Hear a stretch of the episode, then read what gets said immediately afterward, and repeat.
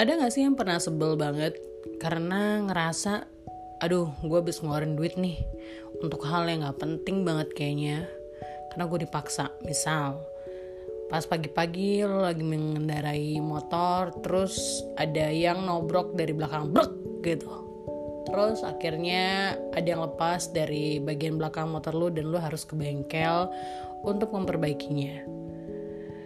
Uh, ada dua pilihan pilihan pertama adalah lo ngajak ribut orang yang nabrak dan kemudian mungkin kasusnya jauh lebih panjang mungkin ada yang saling tonjok-tonjokan atau saling teriak-teriakan gitu ya yang mungkin lebih bisa mencelakai diri kita ketika kita memilih opsi itu. Atau opsi kedua ya udah gitu mungkin dia dengan kesadaran diri kita kita mengevaluasi mungkin si orang tadi itu lagi ngantuk capek gitu ya dan daripada ribut dan memperpanjang masalah ya udah dibawa ke bengkel aja keluarin sekitar 100 atau 300 ribu paling maksimal. Tapi secara emosional kita nggak akan terkuras. Terus kemudian kita nggak akan mungkin mendapatkan opsi-opsi yang jauh lebih menyakitkan.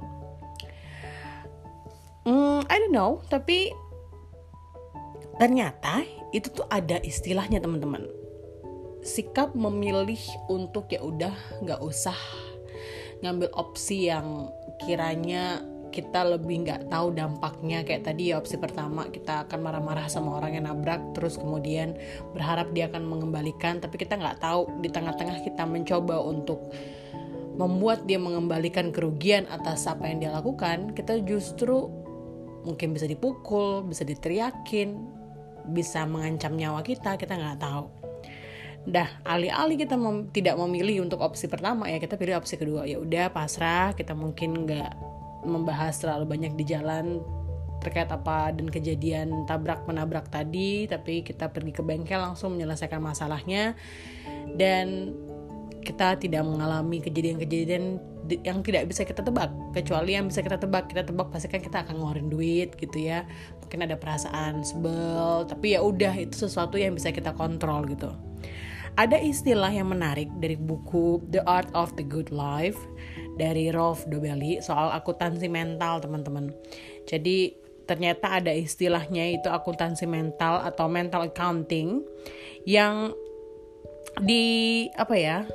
dipinjam oleh dia dari Richard Thalers itu adalah salah satu pendiri ekonomi perilaku akuntansi mental itu uh, di kadangkala dipikirnya itu adalah sebagai sebagai kesesatan pikiran otak gitu ya. Jadi orang-orang itu memperlakukan uang itu secara berbeda. Nggak memperlakukan uang itu sebagai sesuatu hal yang sangat esensial untuk diributkan gitu.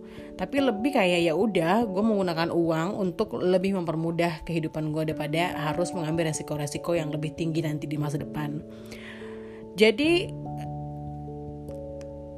for short gitu ya saya memahaminya bahwa pilihan untuk tidak ngambil ribut dan lebih baik ya udah kalau misalnya memang tidak tidak bisa kita kontrol ya udah kita mengontrol apa yang kita bisa dengan yang tadi memperbaiki motor mengeluarkan uang tapi saya yakin jiwa saya lebih tenang saya bisa melanjutkan aktivitas saya bisa ke kantor mungkin atau saya bisa pulang gitu ya sehingga saya nggak terlalu capek dan terkuras emosinya.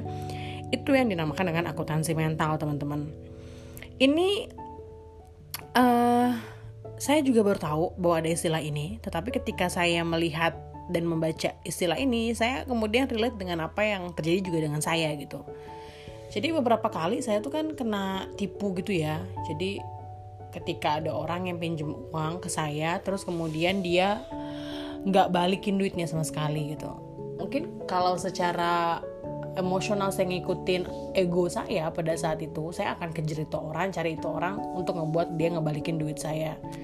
Tapi kalau misalnya meminjam istilah akuntansi mental kemudian dengan konsepnya menggunakan uang sebagai jalur untuk mendapatkan sesuatu hal dan demi ketenangan diri kita saya kemudian uh, mendapatkan insight gitu ya bahwa uang yang saya keluarkan yang dipinjam oleh orang itu dan kemudian tidak dibalikan oleh orang itu gitu ya adalah cara saya lebih tenang untuk mengetahui bahwa dia bukanlah orang yang baik untuk saya.